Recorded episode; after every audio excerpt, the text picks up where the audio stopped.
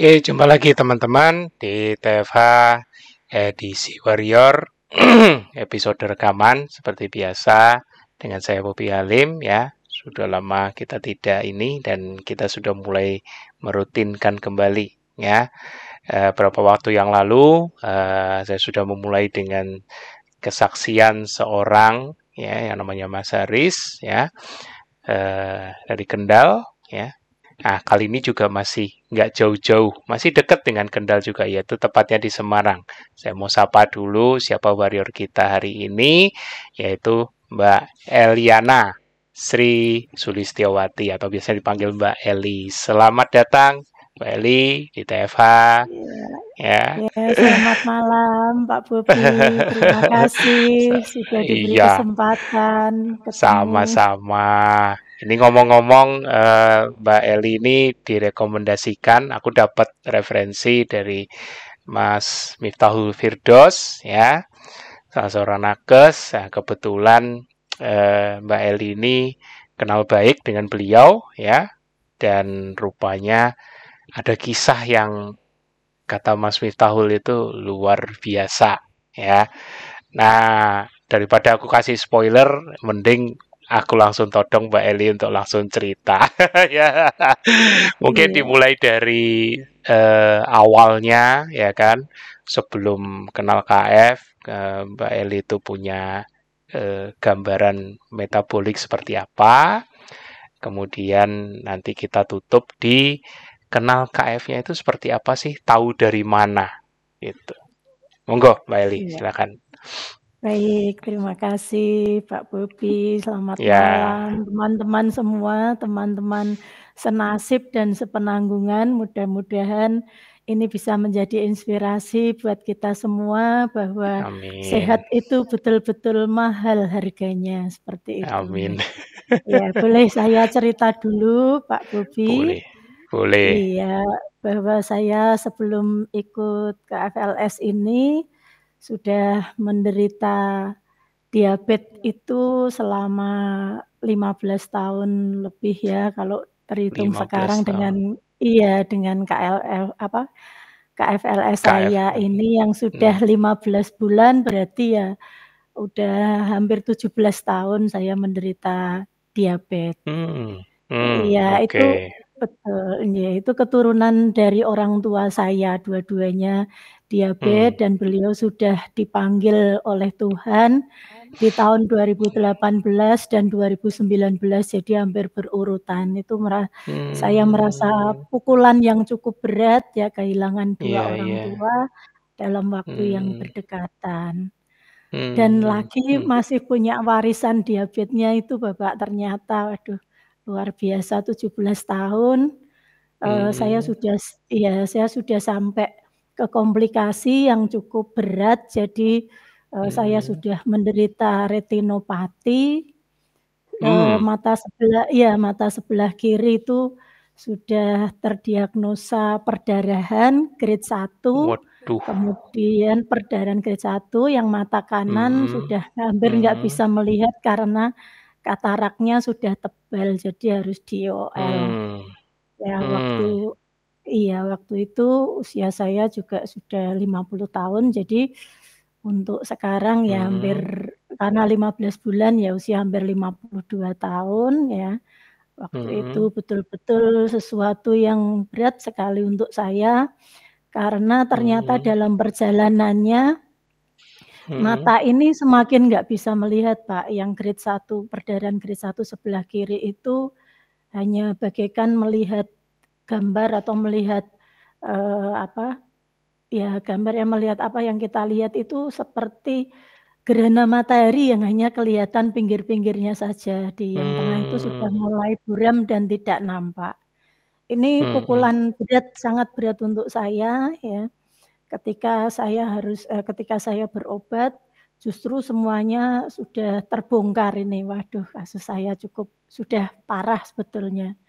Jadi hmm, hmm. saya sudah mengkonsumsi obat-obatan, obat gula ya sedemikian lama, yang terakhir waktu mau operasi mata yang sebelah kanan yang katarak tebal harus diganti dengan lensa atau IOL itu sudah Hmm. harus menggunakan menggunakan ini apa, insulin, Dokter.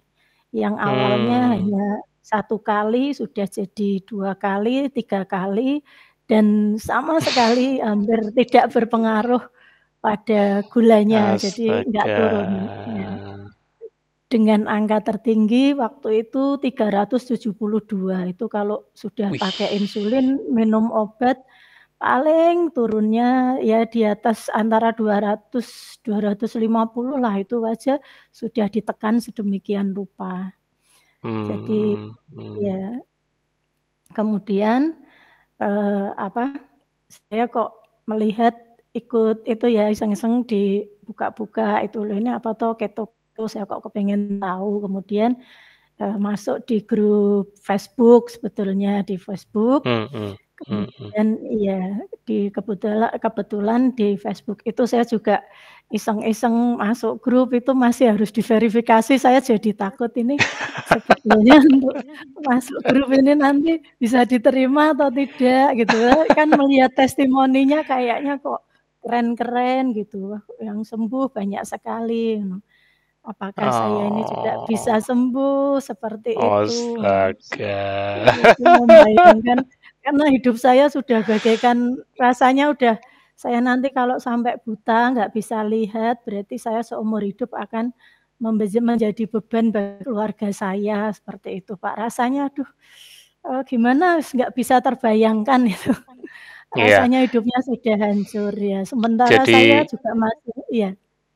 jadi 15 tahun diabetes, kemudian Betul. ada apa ini, eee, traumatik karena ditinggal kedua orang tua dalam waktu bersamaan, Betul. Iya. 2019, 2020, ya kan. Itu berarti Iya iya. buk eee, cukup cukup memukul ya, karena udah itu pun juga sudah pasti ada indikasi diabetes juga yang sedang Iya. dijalani kan. Iya. Nah, Beliau dua-duanya terus diabetes juga Bapaknya. nah, kemudian, eee, sudah ada efek retinopati. Retinopatinya sebelum orang tua meninggal atau sesudah? Eee, ter apa, terlihatnya maksudnya ter terkonang itu apa ya, Pak, ter Mhm. terdeteksinya setelah orang tua meninggal. Jadi kayak Meninggal ya, merasa mhm. kaget ya, merasa kaget. Mhm Awalnya mhm. sih ya memang mata saya sejak dulu kayaknya juga nggak beres ya, kadang ada plusnya, ada minusnya, ada ada apa, silindrisnya, Silindernya. jadi iya, nggak Iya. karuan memang ya, saya merasa itu sudah perjalanan hidup saya ya, saya nikmati aja. Mmm. Tapi yang paling fatal karena saya sudah merasa tidak mulai tidak bisa melihat itu, rasanya dunianya udah kiamat deh, Pak, nggak bisa apa-apa lagi Mmm, saya. mhm mhm Iya. mhm.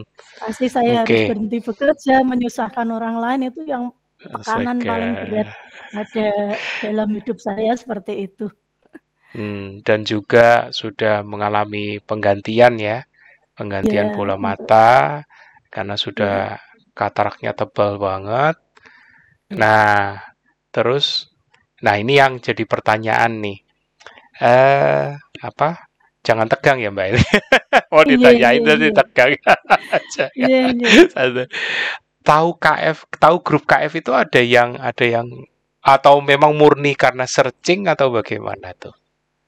Murni searching karena Searching ya? rasanya nggih, searching aja di Facebook gitu, terus baca-baca kok veto apa, ketofastosis itu apa gitu, terus ngikuti sampai beberapa Mmm. waktu sempat mengikuti nganu apa, mengikuti ini apa, mengikuti ya testimoni-testimoninya, terus ada yang Mhm, mulai ketika mhm. mau memulai ini kok agak berat dan lain sebagainya, saya jadi Mhm tertarik ini mhm. apakah hidup saya bisa terselamatkan karena saya, eee, begini ini, seperti itu. Ya walaupun nggak pernah Mhm. tanya-tanya juga sih, Pak, saya memang pembelajar yang baik, jadi pendia apa, diam tapi mengikuti semua nganu apa, mengikuti semua yang disampaikan itu saya ikuti, saya Nah. pelajari gitu.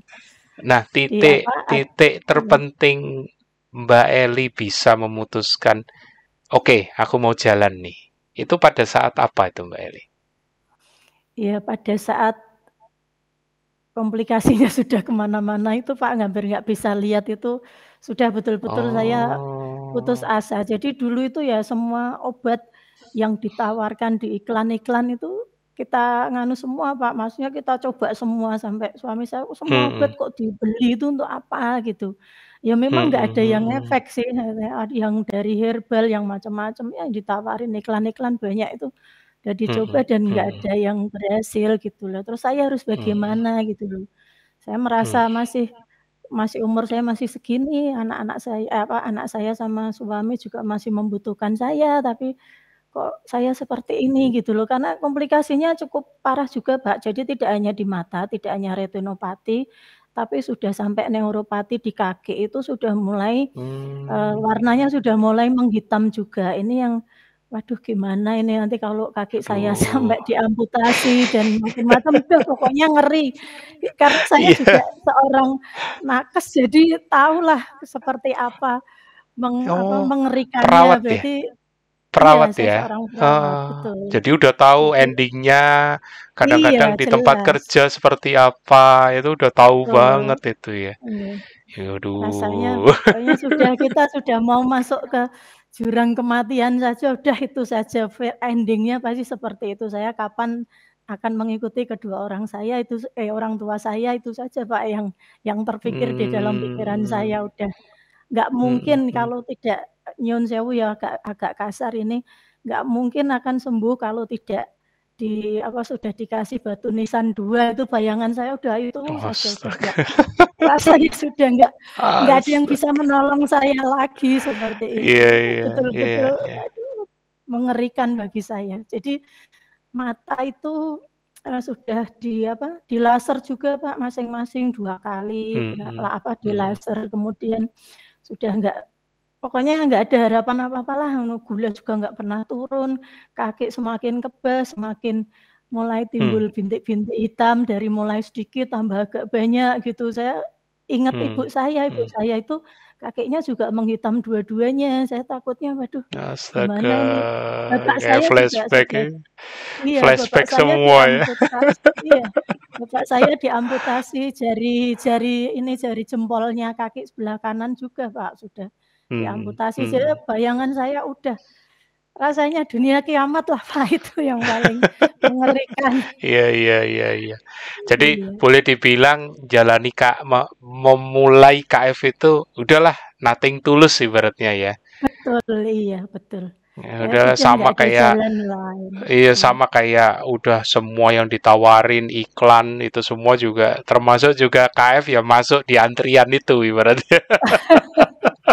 Saya juga nggak tahu KF itu apa awalnya, pokoknya Heeh. baca-baca, Yang kemudian penting disimak, oh makanannya ini, udah langsung dihajar aja ibaratnya gitu ya. Iya, Karena tapi sudah iya benar-benar betul, Pak. benar-benar sudah ibaratnya kayak, aduh mau Jalan mau jalan apa lagi nih? Iya, Iya. ibaratnya gitu, paham sih. Nah, pada saat sudah, eee, nerapin gitu kan, itu, eee, suami, eee, tahu atau ikut mendukung atau bagaimana? Keluarga? Betul, awal-awal itu, karena saya juga pembelajar tadi ya, Pak, kita belajar bersama, Mhm. ada ada satu kelompok juga yang memperkenalkan bagaimana, eee, apa, bagaimana me kita ini bisa ber-KLS dengan baik. Jadi suami sangat-sangat Mhm. mendukung, walaupun sempet kaget, "Loh kok sudah sampai sejauh ini nggak pernah cerita?" Saya memang orangnya sebetulnya tidak mau menyusahkan siapa pun gitu. Nah, ketika Mmm. ketika saya jujur ke suami saya, saya takut nanti juga akan membebani pikirannya, ya sudahlah biarlah derita ini kutanggung sendiri, seperti itu. Tapi dengan cerita-cerita saya berikan pengertian sedikit demi sedikit, kemudian mhm. bagaimana nanti saya harus menjalani ini, ya walaupun Mmm mhm. walaupun berat, memang berat, tapi saya tetap minta dukungannya. Saya sangat seneng banget akhirnya suami itu ya mengertilah bahwa ternyata selama ini saya itu tidak pernah cerita, jadi memendamnya sendiri. Nah, Mmm, setelah tahu seperti itu, baru terbuka semuanya, oh ternyata maksudnya baru tahu bahwa istri saya ini sudah penderitaannya sudah berat. Itu karena ada luka, Pak, di kaki, awalnya kayak lecet Mmm. sedikit ternyata itu juga melebar dan suami saya yang nganter perawatan Mhm kaki itu kan dimasukin tampon itu sampai kayaknya lubangnya kecil, tapi kok ternyata panjang itu di kaki yang yang sudah mhm. neuropati, Pak. Lah kita kan takutnya Mhm. semakin membusuk semakin membusuk, nanti Betul. nekrose, harus amputasi, udah Udah pokoknya udah ngeri deh, kebayang ngeri. itu, Iya. jalurnya udah kebayang itu, aduh Iya, duh. aduh aduh, udah udah udah, Mbak. Oke, nah sekarang Mhm. begitu sudah njalanin waktu itu, apa yang pertama kali dirasakan badan dari Mbak Eli?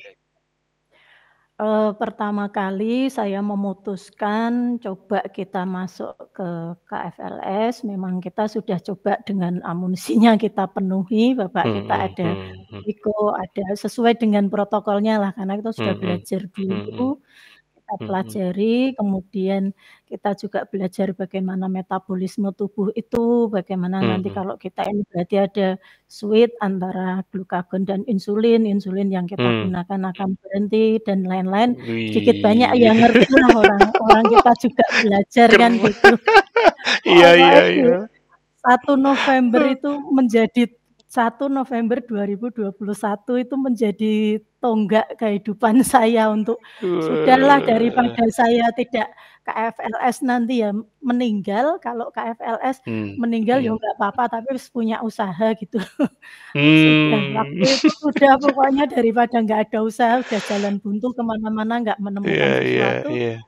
terus Iya. langsung aja hajar. Jadi KFLS-nya itu cukup strict, Pak, cukup strict Mmm. karena saya betul-betul tidak memasukkan karbo dan gula sama sekali. Jadi saya Mhm betul-betul mhm. karena ada ada dari tempat sebelah yang sempat saya juga belajar sedikit-sedikit, itu Mhm. bagaimana untuk, eee, apa, termasuk bumbu-bumbu dan makanan-makanan Mhm. yang dari tanaman itu kan tetap berkarbo juga. Jadi mau tidak Mhm mau, suka mhm. tidak suka, saya hanya makan dari hewani dengan ber ini apa, dengan memakan apa, bumbunya itu hanya garam dan royco saja. Jadi saya nggak Mmm. memakan apa pun itu 4 bulan full, karena secara teori kan katanya regenerasi sel tuh 45 sampai 120 hari. Jadi saya ngambil yang teori yang terpanjang 120 hari itu,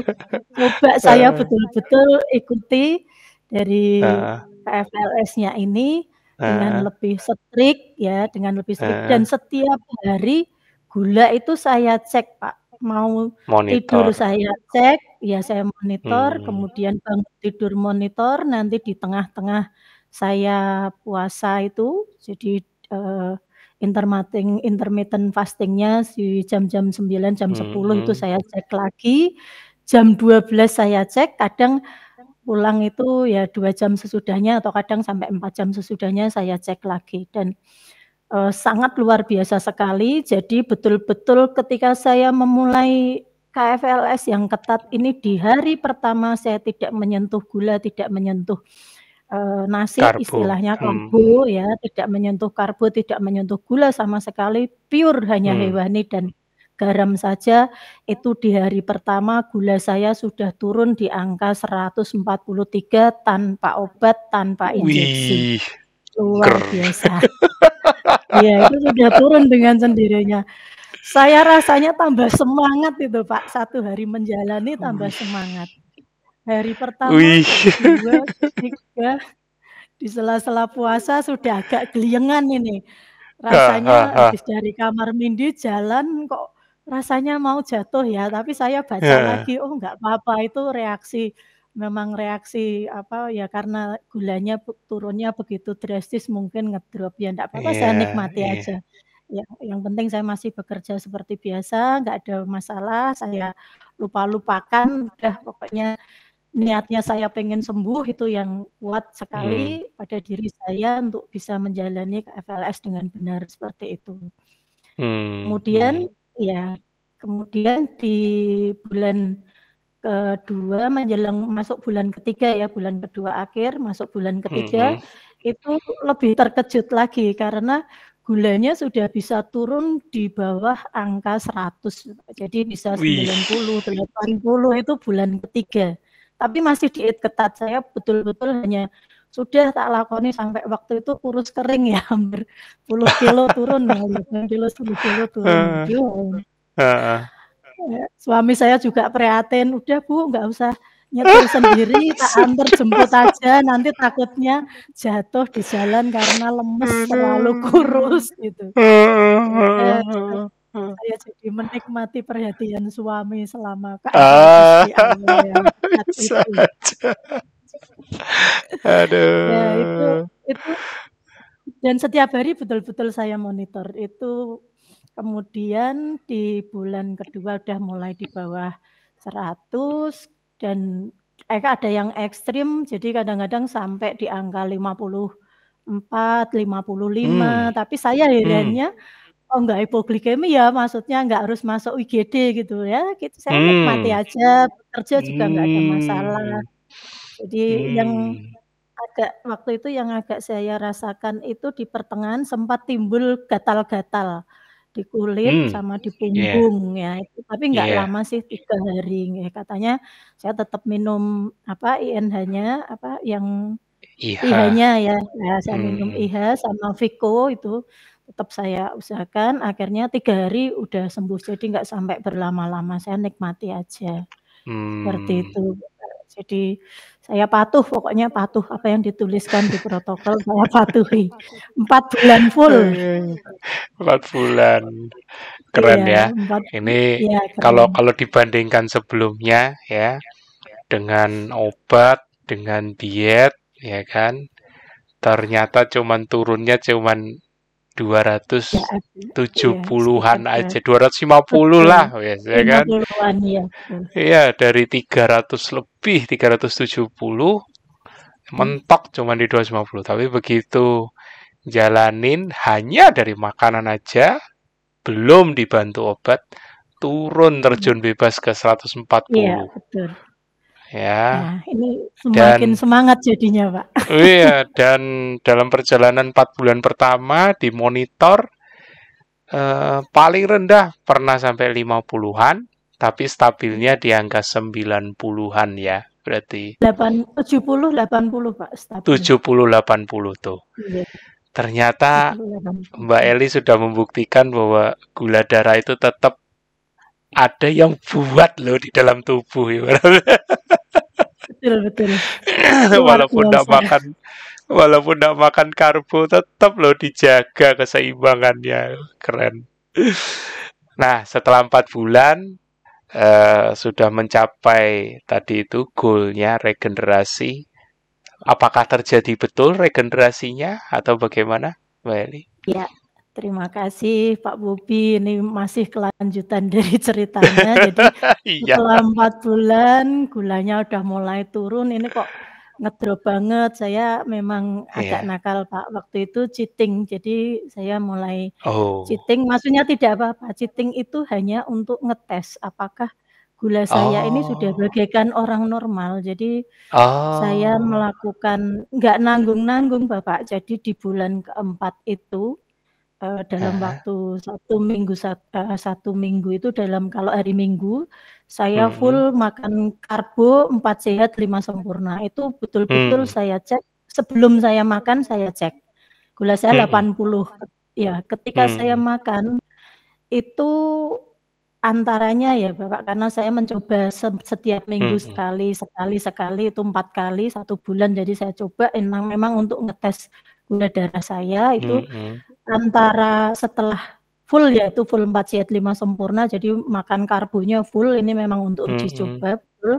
Dua jam berikutnya kita cek itu paling tinggi di angka 135 dan biasanya antara 115 120 lah nggak nggak terlalu tinggi juga jadi hmm. tertinggi pernah 135 kemudian dua hmm. jam kemudian kita cek lagi sudah turun bahkan lebih dari awal. Jadi kalau awalnya 80, misalkan 115, dua jam kemudian sudah turun lagi di angka 75. Jadi malah Ish. turun ya itu luar biasa. Kemudian saya tetap menjalani KFLS satu minggu berikutnya hmm. tetap saya ketat lagi. Kemudian yeah. kita cek lagi, makan lagi full karbo dan lain sebagainya. Uh -huh. Kita cek ternyata juga misalkan 90 ya jadinya tinggal 82 atau 81 seperti itu turun dengan angka paling tinggi Hmm. tadi 135 ya pernah 125 tapi enggak enggak mentok tinggi banget tidak. Lah ini Hmm. su sesuatu banget dan Hmm. istilahnya yang wow sekali ini, yang mukjizat bagi saya ini saya diberi kesempatan hidup kedua tanpa saya sadari di bulan keempat ini mata saya ini sudah bebas jadi kedua-duanya ini cerah. Saya heran, "Loh, kok ternyata nganu ya, matanya ini sudah membaik dengan sendirinya." Itu yang yang tidak habis pikir saya ya, mata ini membaik dengan sendirinya, saya bisa membaca jauh, saya bisa membaca HP tanpa kacamata, padahal setelah IOL kan harus make Iya +3 iya. ya untuk membaca. Iya. Itu ternyata saya sangat luar biasa. Jadi sekarang tanpa kacamata misalkan saya naik kendaraan, naik mobil, setir mobil sendiri, Mhm. berani Pak, kemarin uji coba Semarang, eee, Ngawi saya pegang sendiri juga Waduh. berani. Luar biasa pokoknya. Udah matanya yes gitu. Yes.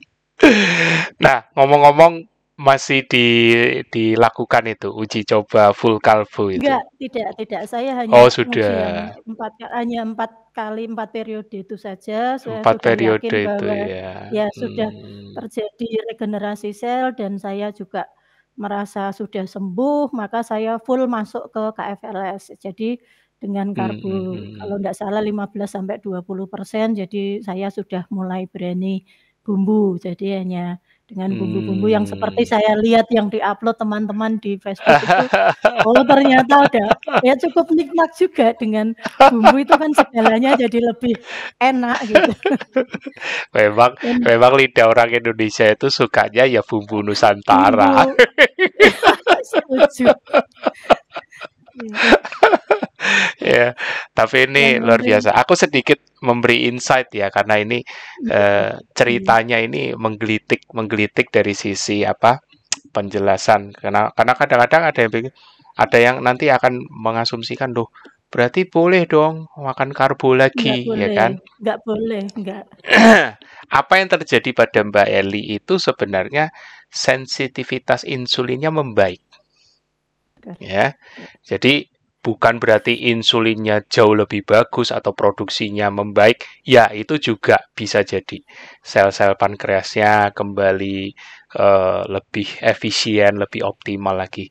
Tapi yang terpenting adalah eee, tugas dari insulin untuk dalam tanda kutip "membersihkan gula yang berlebih di darah" sehingga harus cepat ngumpet lagi ke dalam gudang-gudang, gudang-gudang pipi, perut, paha, ya kan. Itu jauh lebih efisien sekarang. Nah, itu. Ya. Jadi kenapa kok gula darahnya tidak lagi melonjak seperti dulu sebel sebelum ber-KF masih DM bisa sampai 300. Itu yang berbicara sensitivitas insulinnya kalau dulu itu sudah drop banget. Makanya gula itu kayak kayak dibiarin di darah. Nah, itu yang merusak. Itu yang membuat problem di mata, membuat problem di neuropati di kaki, ya kan. Itu gula yang dibiarkan tinggi itu sifatnya damaging banget. Nah, itu. Nah, bersyukur Mbak Eli bisa memonitor dan mengetahui profil metabolismenya sekarang. Ini ini penting. Jadi aku kadang-kadang juga eee, buat teman-teman yang misalnya agak paranoid ya. Kadang-kadang gini, kalau gula darah naik dikit sudah takut dari makanan. Ya. Ya kan. Nah, dari dari per apa, rekaman ini teman-teman bisa lihat even Mbak Eli yang sampai makan karbo, full karbo, tapi dengan metabolisme dan sensitivitas insulin yang jauh membaik, terlihat tubuh juga berusaha menjaga supaya tidak overload gula darahnya. Nah, dan secara normalnya 2 jam setelah makan atau postprandial, itu juga akan dikembalikan normal. Iya. Ya, normalnya di kondisi Mbak Eli dia biasa di 70-80. Tapi kalau ini dilakukan terus-menerus, percaya deh, nanti akan bergeser. Naik, naik, naik. Artinya sensitivitasnya menurun lagi. Iya. Karena dibombardir terus. Nah, seiring ini naik, sakit juga sudah mulai ada lagi. Itu pasti. Ah, keren. Aku kalau udah Tapi dikasih saya masih enggak. uh, gimana? Saya masih berjuang untuk yang neuropatinya, Pak. Jadi saya betul-betul masih ketat Ya. juga karena saya memperjuangkan. Ini sudah hampir 85-90% membaik. Jadi yang kaki yang awalnya menghitam itu sudah kembali lagi seperti kulit yang semula, Wah. hanya yang bekas lukanya itu masih agak gelap dibandingkan kulit yang lain. Ini Iya. saya tetap tetap punya semangat untuk tetap menjaga Keren. supaya stabil di bawah. Gulanya di bawah terus. Jadi Jadi gini, ngumbar matanya. Iya, Betul. jadi gini, eh, proses perbaikan, proses perbaikan sel itu paling optimal kalau kita bisa membuat porsi stres dan rileks tubuh itu seimbang. Nah, jadi Mbak sudah melakukan usaha, Mbak Eli sudah melakukan usaha dari makanannya tidak ada karbo, puasanya sesuai, Oh, ya kan? Tapi semua usaha ini baru memberikan dampak ketika diberi waktu. Waktu untuk usaha ini mulai dilakukan, mulai dipasangkan. Jadi ibaratnya kapan proses perbaikannya? Bukan pada saat lagi puasa, bukan pada saat lagi makan menu hewani yang tidak ada karbo, tapi justru pada saat tidur. Betul. Itu, Mbak. Nah, tapi bisa dilihat sekarang. Ya, walaupun masih ada, tapi progresnya sudah benar. Ya, progresnya benar. Akan terlihat lokasi-lokasi yang damagingnya itu sudah paling parah. Ya, di bekas luka yang apa lubang itu ya memang itu yang paling parah. Butuh waktu regenerasinya lebih lama. Oh, iya. Nah, tapi jangan dibuat buru-buru. Yang lain sudah beres, ini kok Iya. belum. Iya. Iya. Santai. Betul ya, Pak. Sudah 15 bulan KFLS-nya belum belum belum selesai juga, belum juga. apa-apa. Kadang-kadang aku kasih analogi, ya. ya, Iya. kadang-kadang aku kasih analoginya gini. Di empat bulan pertama, problemnya di insulin dan gula darah. Itu top prioritas pertama. Ya, jadi ketika tubuh diberikan kesempatan mulai reverse, mulai healing, itu prioritas pertama. Begitu lewat empat bulan, itu sudah turun mungkin ke prioritas tiga. Yang pertama, yang menjadi pertama, matanya. Makanya, matanya mulai membaik. Ya, begitu matanya sudah mulai membaik, turun lagi dia prioritasnya. Neuropati yang di kaki mulai naik. Jadi tubuh kayak punya to-do list-nya itu berubah-ubah. Iya. Nah, kenapa ini masih belum beres yang neuropati di kaki? Bisa jadi prioritasnya turun. Sekarang staminanya yang perlu dibagusin. Ya. Staminanya itu. Nah, jadi kadang-kadang teman-teman yang misalnya ini jangan terlalu fokus di suatu tempat Kanan. ya. Lihat secara keseluruhan. Kadang-kadang bisa parameter misalnya nih contoh parameter lab HbA1c-nya makin rendah lagi nanti, tahu-tahu. Bisa lebih optimal. Sudah cek HbA1c belum, Mbak? Terakhir berapa? HbA1c terakhir waktu itu yang 4 bulan pertama itu sudah 7,4. Dari Ah, sekarang? awalnya yang sekitar 13 ini mohon maaf Oh, belum cek wih. ulang. aduh. Oh, i- Hanya oh belum cek ulang. Ya, apa-apa. Iya. Nanti jangan Iya. kaget kalau tahu-tahu sudah lima.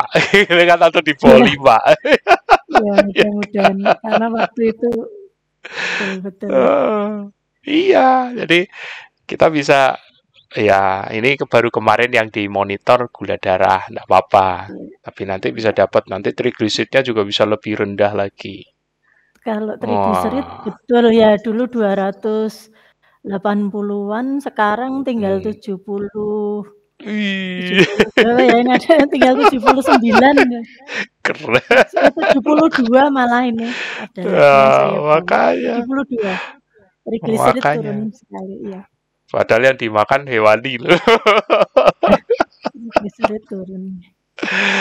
Oke, jadi eh, sudah banyak perbaikan ya kan neuropati atau retinopati yang sudah dialami yang sudah sudah memberikan memberikan kerusakan bahkan sampai bikin beban di psikis sekarang dapat kesempatan kedua. Ya Mbak Eli. Iya. itu eh, bisa dilihat nih orangnya. Ya kan happy-nya seperti apa dulu seperti apa tertekannya. happy. oh happy banget. Keren Bali nah 15 bulan ya kan? Eh, apa yang menjadi kendala terbesar pada men- saat menjalani KF-nya ini Mbak Eli Terima kasih Pak Bobi. Eh, untuk 15 bulan itu karena mohon maaf saya kan juga sebagai surveyor ya yang sering tugas ke mana-mana ke seluruh Hmm. Indonesia. Nah, Hmm. pada saat bertugas itulah kadang-kadang kita sulit mendapatkan eh, hewani yang pure, maksudnya betul-betul hanya hewani saja karena yang disuguhkan kan macam-macam itu. Ada makanan, ada snack, ada buah, ada ini semuanya. Ya, padahal teman-teman ini gimana ini teman-teman saya kan ya eh, karbo semua gitu. Kalau Iya, saya iya. ngikut karbo kan apa saya mau balik seperti masa lalu? Saya kan jelas nggak mau. Hmm. Jadi Hmm. kadang-kadang itu yang menyulitkan. Ya kan saya jalan keluarnya kadang sampai minta udah saya disediain apalah telur ceplok apa telur godok ya enggak apa-apa pokoknya yang gampang aja untuk saya. Kadang-kadang juga Ada kalau sungkan di di situ ya. iya disugati soto itu kan mau makan soto nggak mungkin. Jadi ya saya cuma makan ini satenya aja beberapa. Ini kan tak hitung-hitung kalau yang masuk ini kalorinya kurang harusnya lebih. Cuma kalau mau ambil banyak malu sungkan. Waduh jadi tambah kurus. Untung tugasnya nggak lama-lama dua apa tiga sampai empat hari aja. Jadi udah baik aja lah makan sedikit ya nggak apa-apa. Nanti di Hmm. rumah makan banyak lagi kan. Boleh di Balas dendam. Iya. Eh, tapi pernah dong ada itu selalu tempat yang berbeda atau bagaimana pada saat tempatnya survei itu? berbeda-beda tempatnya Cuman sekali berbeda-beda ya perginya ya. eh Mis- ya sebulan bisa sekali dua Enggak, kali maksudnya ya sekali gini. lah ya. Maksudnya maksudnya daerah A oh survei iya itu iya paling cuman iya sekali, habis itu iya pindah. Ya, iya betul ya, oke. Soalnya kalau bisa misalnya lebih dari sekali kan kita bisa ngomong ya. iya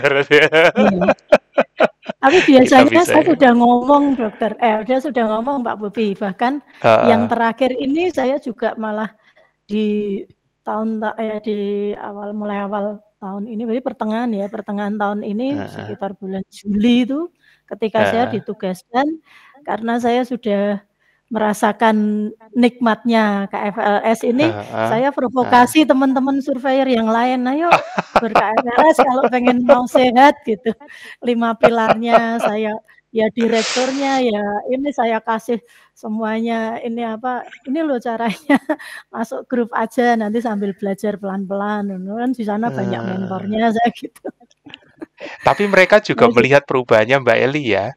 Karena mereka kan dulu sangat tahu sangat pastinya ya. Iya sangat Oh, sangat melihat.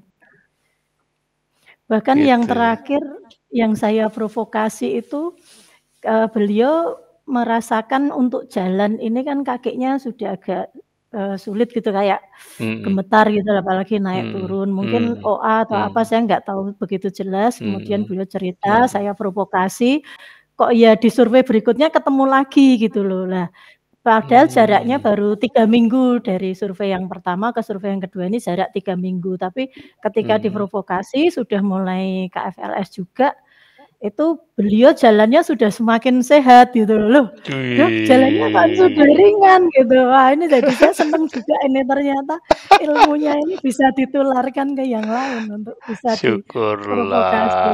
Gitu, gitu Pak Bobi. Jadi berkat juga ya jadinya ya iya, keren. Jadi saling berkat Allah. Kita diberkati untuk memberkati yang lain. Amin, amin, amin. Iya. Ya, ya namanya kita sudah dapat kesempatan kedua, sewajarnya pun kita berbagi ya, ya kan? Hmm. Karena kita tahu metodenya, pilihan tetap ada di tangan mereka, ya kan? Bagian kita maksimal memberitahu, ya kan? Karena mereka pasti bertanya, apalagi yang sahabat terdekat atau ini pasti tahu perbedaan. Kamu dulu begini loh, ya kan? Kok sekarang lebih seger? Nah, itu itu celah kita bisa cerita ya kan tapi dalam membimbing pun ya kita harus paham ya kan kendalanya mereka seperti apa ya belum tentu caranya akan sama kayak Mbak Eli kalau Mbak Eli kan di awal langsung strict pengen ya. sembuh ya. dulu begitu soalnya udah nothing tulus bener ya kan? Iya. nah di yang lain kadang-kadang belum belum separah itu. Jadi kadang-kadang ya dimaklumi. Kalau misalnya aduh aku udah enakan nih eh, balik lagi makan. Ya nggak apa-apa itu pilihan. Biarkan belajar dari badannya sendiri. Itu ya. kan? Sama kayak Mbak Eli ngetes badannya sendiri full karbo di empat bulan pertama. Karena untuk mencari tahu kan bener nggak sih yang diomongin Mas Tio ini? Ya kan? Bener nggak yang diomongin foundernya seniornya gitu? Nah begitu sudah badannya memberitahu yang seperti apa baru dari situ ketahuan siapa yang sebenarnya bisa ilmunya mana yang bisa dipercaya ibaratnya gitu loh. Aku pun nggak berani eh, nggak uh, berani memaksakan. Aku selalu bilang tubuhmu yang paling jujur. Ya aku bisa aku siapa pun ya kan si A sampai Z bisa kasih teori paling indah mengklaim oh metodeku paling canggih paling tokcer. Tapi kalau badanmu memberitahu yang kebalikannya nah itu yang paling jujur nah mungkin ini sedikit anu uh, intermezzo kenal Mas Miftahul Mirdos itu seperti apa? Iya kan? Iya, iya. Uh, beliau sangat ini ya apa memotivasi dan sportif ya terhadap apa pun tidak ada yang ditutup-tutupi. Jadi jujur ketika oh, kita oh. ketemu ya kita ketemu saat di survei rumah sakitnya oh. Dokter Firdos kita kan oh. ketemu kebetulan saya surveyor kita Ketika berbincang-bincang tuh enak saja, Dok, apa, enak saja Pak Bobi itu kita ngalir saja gitu. Oh ternyata kita ketemunya sama-sama di KFLS. Karena saya kan tadi ya kalau survei malu-malu oh. seperti itu. Gimana mau cerita, gimana ini enggak, "No Dok maaf saya enggak makan karbo." Loh KF nganu ya keto ya Bu Eli? Iya dong, ini ya, kalau gitu kita sama, saya kayak aduh jadi ketemu saudara ini, maksudnya saudara kita apa, oh. ini gitu, kemudian cerita, "Bu Eli olahraganya apa?" Kalau saya sih biar apa, fungsi-fungsi otot tidak menurun, belum belum nganu ya, belum belum ngikut yang olahraga yeah. yang yang disarankan, tapi yang ya beban, dari dari rutin ya yeah. ini apa, pakai yeah. barbel yang kecil lah pagi, sore itu rutin. Kelihatannya yeah. juga semakin badannya semakin enak aja Dok, biasanya naik turun tangga itu ya, kakinya kan sudah neuropati, sudah agak gemeter lah sekarang tidak. Kemudian Oh, keren. yang iya, yang kaki-kaki tadinya yang tidak terasa kebas, betul-betul kebas, sekarang udah mulai kayak tertusuk-tusuk jarum kecil-kecil itu loh, pernah jalan di paving aja rasanya sakit, saya sampai kaget, "Loh kok kayak gini?" Gitu. Ternyata saraf-sarafnya mulai mulai terangsang lagi. Nah ini berkat Ker motivasi dokter Miftah juga yang cerita, "Ayo Bu Eli," semangat untuk ceritakan ke teman-teman yang lain juga biar termotivasi. Lah ini tambah Iya gembira iya. saya, aduh senang ya. Ternyata tidak saya sendiri yang seperti ini. ada iya. temannya yang lain, ada yang memotivasi, yang jelas itu motivator yang luar biasa beliau. Mantap. Jadi ya, sudah terjawab ya. Moga-moga Mas Miftah ya, Mas Firdos bisa menyimak dan terima kasih loh Mas sudah ikut mereferensikan Mbak Eli ya kan. Jadinya kita semua warrior seluruh Nusantara sekarang bisa tahu kisahnya Mbak Eli yang luar biasa. Terakhir Mbak Eli ya kan uh, kan sering tuh uh, mungkin Mbak Eli juga sering dengar ya kan KF itu nggak boleh lama-lama ya kan? Bahaya jangka panjangnya belum terbukti ya kan? Nah, ini Mbak Eli sudah 15 bulan, kira-kira masih mau diterusin nggak Iya, mantap, semangat, tetap lanjut karena saya tidak mau kembali ke masa lalu saya lagi. Harus ke depan lebih baik lagi. Itu banyak dok dari dokter-dokter di tempat saya itu jangan lama-lama Bu Eli, 6 bulan saja itu udah maksimal. Nanti kalau ada macam-macam ya ada ini apa uh, perubahan DNA loh nanti nggak bisa gini-gini. Udahlah pokoknya macam-macam. Nanti ada apa istilahnya uh, nggak nggak tercukupi yang lainnya nanti tubuhnya jadi gini gini lah udah nggak saya nggak dengarkan. Saya merasa menemukan sesuatu di KFLS ini ya udah saya jalani aja. Nek, pokoknya nikmati aja. Orang lain kan nggak merasakan tubuh saya bagaimana saya sudah merasa di jurang kehancuran siapa yang mau menolong saya? Nggak ada. Kalau saya sudah iya. seperti ini saya merasa lebih baik sudah saya merasa ditolong oleh yang maha kuasa ditolong oleh Tuhan tetapi ternyata dari yang lain banyak yang mempengaruhi dan yang paling memotivasi saya yang lebih dari lima tahun enam tahun dari cerita ceritanya di Facebook itu es oke okay aja jadi kenapa tidak? Gitu loh. Jadi itu tetap saya kekeh aja saya nggak mau balik ke masa lalu. Udah saya jalan lurus terus pantang menyerah. Aduh, ini semangat kalau sampai nggak ketular, aku cuma bisa bilang terlalu. tapi memang ya, tapi memang pilihan itu ada di tangan masing-masing ya. Mbak Eli sudah memberikan kesaksian maksudnya testimoni betapa dia dulu yang DM sampai neuropati sampai retinopati sebegitu dahsyat. 15 bulan seperti ini ya kan? Melebihi dari batas maksimal 6 bulan ya kan? Mosok badannya yang memberitahu enak kok iya di stop? Hanya untuk supaya apa? Hati-hati. Ya oke okay sih. Selama ini juga sudah hati-hati selama 15 tahun tapi ya begitu. Ya kan? Jadi ya disenyumin aja memang sih. Kadang-kadang mereka mereka memperhatikan ya kan? Bukan berarti sinis nah, karena mereka juga juga khawatir. Hanya perbedaannya mereka belum tahu. Ya kan? Mereka belum tahu. Belum mencoba. Ya kan? Kadang-kadang banyak yang getol. Maksimal enam bulan hati-hati. Tapi dirinya sendiri juga nggak mencoba gitu kan? Begitu orang sudah mencoba sampai setahun lebih dua tahun lima tahun tetap aja juga nggak mencoba mencoba jadi kadang-kadang ya ya sudahlah. Kita kita tunggu di ujung sana